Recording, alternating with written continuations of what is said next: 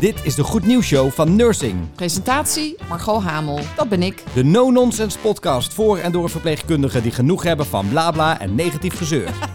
Met deze keer Judy, die 15 vertaalapparaatjes regelde voor ziekenhuis Rivierenland. En Loes, die alles weet over de 50.000 euro subsidie die 135 teams kregen voor hun zeggenschapsprojecten.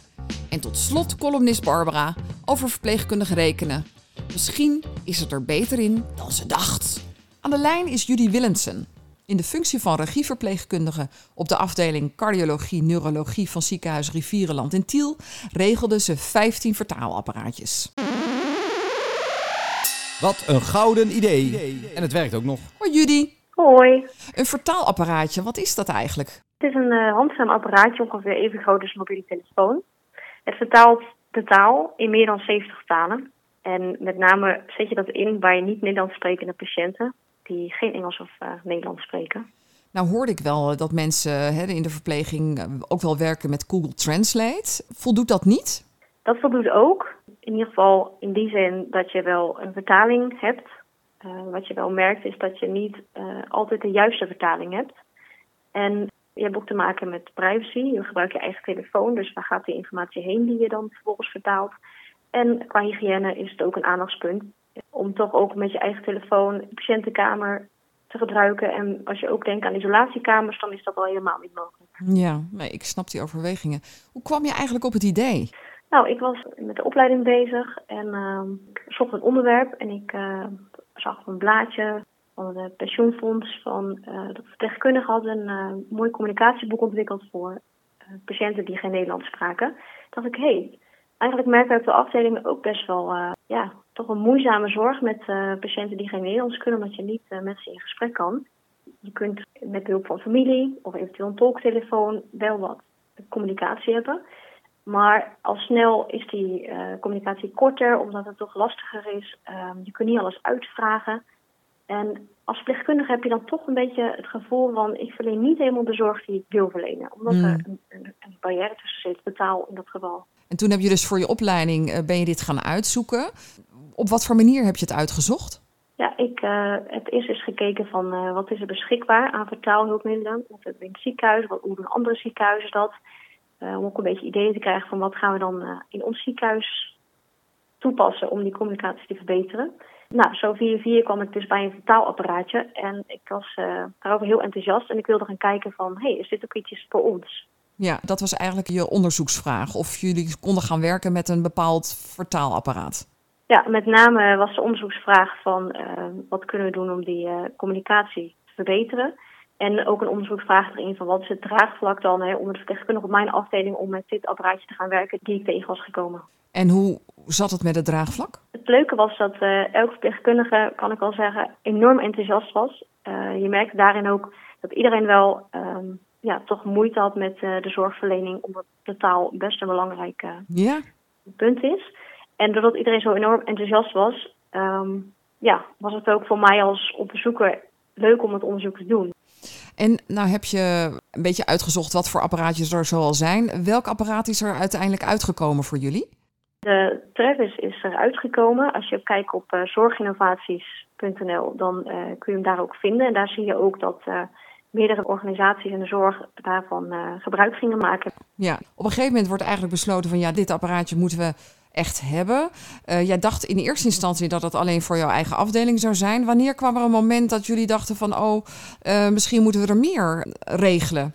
Ja, nou in eerste instantie willen we, ja, om toch een pilot te kunnen doen, om te zeggen van is het wat voor de afdeling? Want daar doe je het eerste onderzoek op om het zo klein mogelijk te houden, anders wordt je onderzoek ook te groot. Ja. Kijk je puur naar je eigen afdeling, eh zodra het blijkt dat die eh, pilot dus enorm geslaagd is en in die tijd ook eh, andere collega's dat vernomen, dat we ermee bezig waren, ook regelmatig voorgeschot om te lenen, merk je dat iedereen uit de hele organisatie daarin geïnteresseerd is. Maar hoe deed je dat dan? Want hoe wisten de collega's hè, van andere afdelingen en polyklinieken, hoe wisten die dan dat jij dit apparaatje, dat je er hiermee bezig was? Ja, we hebben een magazine van het ziekenhuis. En daarin kwam ook een stukje over dat het, eh, het apparaatje bij ons op de afdeling was, dat we daar gebruik van maakten. Dus dat gaf een stukje bekendheid en met name denk ik eh, onderling. Dat, eh, dat je in gesprek ook collega's ziet in de kleedkamers of misschien met artsen daarover in gesprek komen die een consult lopen op je afdeling en dat weer doorgeven op andere afdelingen. Ja. En het is niet zo'n groot ziekenhuis, wat ook maakt dat het uh, ook snel, denk ik, door iedereen wel uh, opgepikt wordt. Wat raad je luisteraars aan als die ook zoiets willen regelen? Ja, dat is een uh, mooie vraag. Ik ben er erg voor om zoveel mogelijk verpleegkundigen te zoeken. Van wat weet ik op de afdeling of wat heb ik nodig.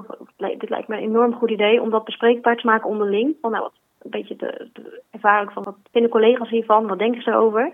En dan ook je daarin te verdiepen.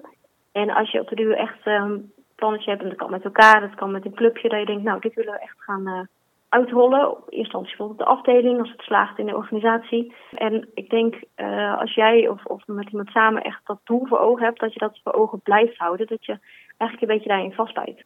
Ja. Kijk, het is niet helemaal je eerste werk als verpleegkundige. Je bent met name gericht op het verlenen van patiëntenzorg. Maar goed, je, als verpleegkundige is het ook heel belangrijk om kwaliteit te bieden. Hey, als mensen nou vragen hebben, je staat op LinkedIn, hè, heb ik begrepen? Ja. Oké, en jouw naam is Judy, dat is J-U-D-Y en dan Willemsen. Ik wil je danken voor het gesprek en heel veel succes. Nou, dankjewel.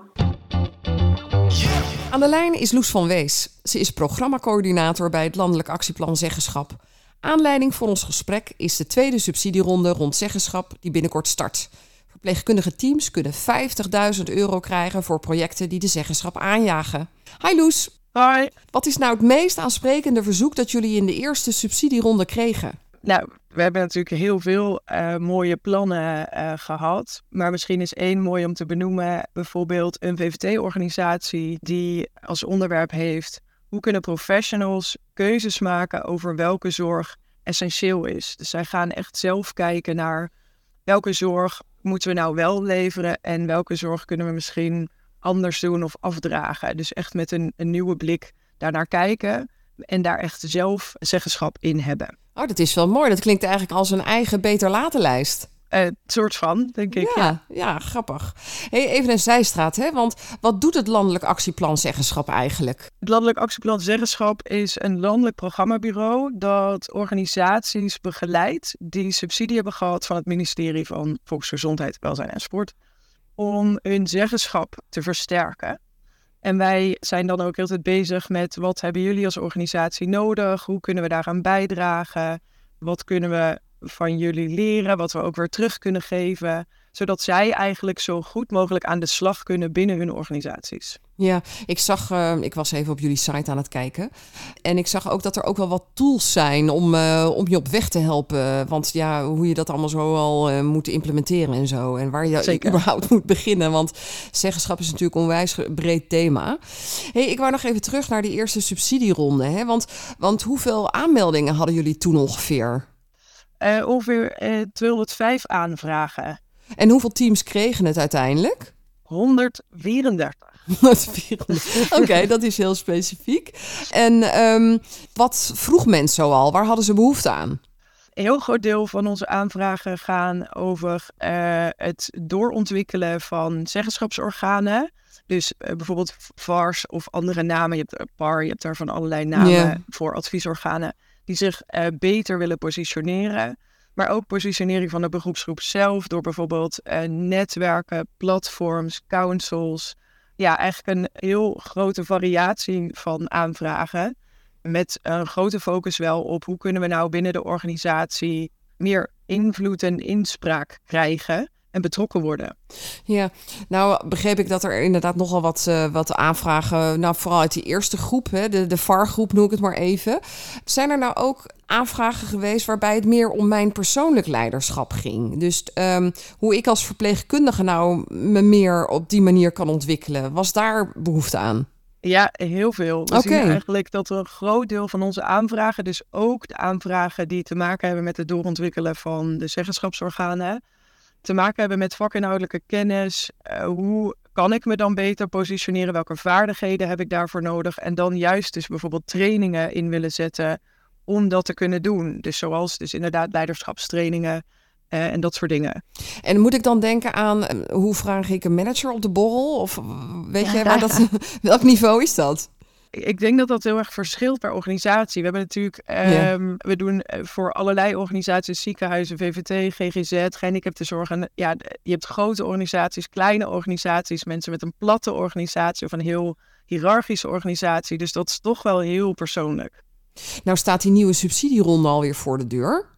Uh, want er is weer geld vrijgemaakt uh, voor nog meer zeggenschap.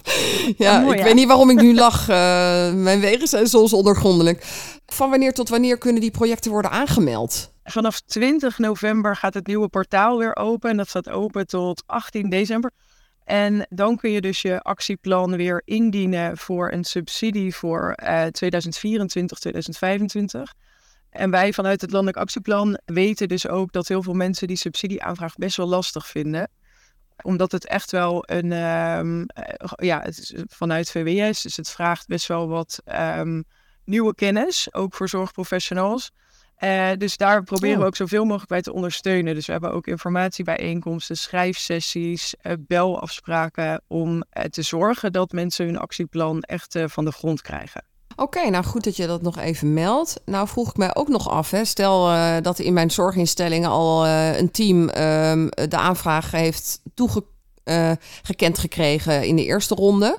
Maak ik dan minder kans in de tweede ronde of staat het los van elkaar? Nee, zeker niet. De, deze ronde mogen dus ook herhaalsubsidies gegeven worden. Dus als je al een actieplan hebt ingediend en je hebt bijvoorbeeld nog een briljant idee, dan mag je daar uh, deze ronde mee verder. En uh, we hebben ruimte voor, ja, de verdeling is dan, maar is een beetje technisch. 75% mm. is voor nieuwe aanvragen en 25% is voor herhaalaanvragen. En dat is deze ronde, dus daar kun je deze ronde gebruik van maken. Als ik nou uh, meer informatie wil of me wil aanmelden, ik denk dat het slimste is dat het gaat via de site van jullie club. Kan je eens benoemen waar ik dan naartoe moet? Zeggenschap in de zorg.nl. Daar vind je eigenlijk uh, alle informatie die je nodig hebt. Ook door links naar de website van DUCI. Dat is dus een onderdeel van, uh, van VWS waar je je subsidieaanvraag kan doen. En daar zijn ook uh, alle ja, bijeenkomsten op die wij, waar wij bij ondersteunen. En je vindt daar, zoals je zelf eerder net al zei, heel veel tools en informatie over zeggenschap. Als je nou denkt, hé, hey, wat is zeggenschap eigenlijk? Waar hebben we het nou over? wat kan ik zelf doen uh, dan uh, vind je daar ook bijvoorbeeld onze e-learning. Uh, die denk ik echt heel, ja, echt een instapmodel om kennis te maken met waar gaat het nou eigenlijk over? Wat kan ik misschien zelf als persoon al doen om een start te maken met zeggenschap, ook als je geen subsidie krijgt? Want dat is natuurlijk ook wel een ding. Je kan, subsidie is denk ik een heel belangrijk middel om tijd en ruimte te creëren. Want geld geeft eigenlijk tijd, werktijd en ruimte om aan zeggenschap te werken. Maar ook zonder subsidie kan je, denk ik, al dingen doen om aan zeggenschap te werken. En er staan ook een paar uh, inspirerende voorbeelden op, op de site. Hè, als je nog even behoefte hebt aan leuke voorbeelden, um, kun je daar ook naartoe. Ja, ik heb geen vraag meer. Is er nog iets wat jij kwijt wil? Nou, misschien dus iets om even nog um, door te gaan op wat kan je nou eigenlijk zelf doen. Ik denk dat het, uh, omdat zeggenschap is best wel een beetje een containerbegrip, net als leiderschap. Hè? ja zoiets waarbij iedereen denkt: oké, oké, eh, heb ik daar iets mee te maken? En ik denk dat het vooral belangrijk is om zelf te kijken van hé, hey, waar zou ik nou zeggenschap over willen? Wat is nou iets leuks waar ik zelf iets mee wil? Vooral waar je energie ook ligt. Ik vond in je podcast ook al mooie voorbeelden voorbij komen van hè, um, kluisjes waar je je telefoon in kan opladen, omdat je gewoon merkt dat patiënten daar tegenaan lopen. Registratielast verminderen het kan al heel klein, zeg maar. Het hoeft niet meteen met een subsidie van 50.000 euro. Je kan ook al veel kleiner aan de slag. En dat is denk ik leuk en belangrijk om je in te oriënteren, eh, zodat het voor iedereen toepasbaar is. Ja, nee, ik uh, sluit me daar helemaal bij aan voor wat dat waard is. En uh, dankjewel voor de uitleg en tot de volgende keer. Doei. Bye. Wil je ook meedoen aan de Goed Nieuws Show van Nursing? Mail dan naar nursing.bsl.nl. En doe het vooral, want het gaat om jullie verhalen en ervaringen. Tot slot hebben we dan nog Barbara, die haar column voorleest. Bye! Goed in rekenen was ik nooit. Op de lagere school liep ik een jaar achter met mijn rekenwerk. De zenuwen kreeg ik ervan. Ik herinner mij nog de paniek bij die verhaaltjessommen die in mijn beleving onmogelijke dingen vroegen. Als vier gele duiven ieder op één brommer zitten, hoe laat is het dan rond de evenaar? Dom en hulpeloos voelde ik me. De jaren daarna vertelde ik iedereen dat ik niet kon rekenen. Misschien had ik wel dyscalculie. De overtuiging dat ik niet kon rekenen heeft mij er bijna van weerhouden om verpleegkundige te worden. Hoe kun je een goede verpleegkundige zijn als je niet uit je hoofd een druppelsnelheid kunt uitrekenen of de concentratie van een injectievloeistof? Nou, intussen weet ik dat het heel goed kan. Ten eerste zorg ik ervoor dat ik weet wat ik uit moet rekenen en vervolgens hoe. Dat klinkt heel logisch, maar dat miste ik vroeger bij de gele duivensommen. Ten tweede ben ik gestopt met tegen mezelf te zeggen dat ik niet kan rekenen. Die overtuiging beperkte mij enorm. Toen ik dat losliet, ging het rekenen meteen een stuk beter. En toen was er tijdens de Nursing Experience meneer Dirk Megens, de verpleegkundige rekenman. Tijdens de workshop viel er een kwartje. Ik besefte dat ik al die jaren vooral had geworsteld met wat moet ik uitrekenen. Ik weet dat overal formules voor zijn. Die had ik in mijn hoofd echter niet opgeborgen in handige laadjes, maar in één grote bak gegooid. Een zooitje dus. Als ik even een spiekbriefje nodig had, wat kwam er ook al in na centiliter, dan liep mijn brein vast. Tijdens de workshop kreeg ik een overzicht van de meest voorkomende sommen. In mijn werktelefoon staan nu alle tips, formules en eenheden opgeslagen. Als ik zuurstof moet uitrekenen, zoek ik in mijn telefoon de formule op. Aantal minuten dat je kunt geven is aantal liter op voorraad, gedeeld door behoefte van de patiënt per minuut. Inmiddels slaag ik met vlag en wimpel voor mijn verplichte rekentoets. Nog steeds hik ik er wel tegenaan en stel ik hem tot het laatste moment uit. Bij veel collega's merk ik hetzelfde uitstelgedrag. Rekenen is blijkbaar niet erg populair onder verpleegkundigen. Binnenkort is het weer zover. Maar dit keer stap ik er zonder zenuwen in. Ik weet nu, met zelfvertrouwen, dat ik alle antwoorden binnen handbereik heb. Ik moet het alleen nog even uitrekenen. Je luisterde naar de Goed Nieuws Show van Nursing. Ga naar nursing.nl voor inspiratie, verpleegkundig nieuws en vakinhoud.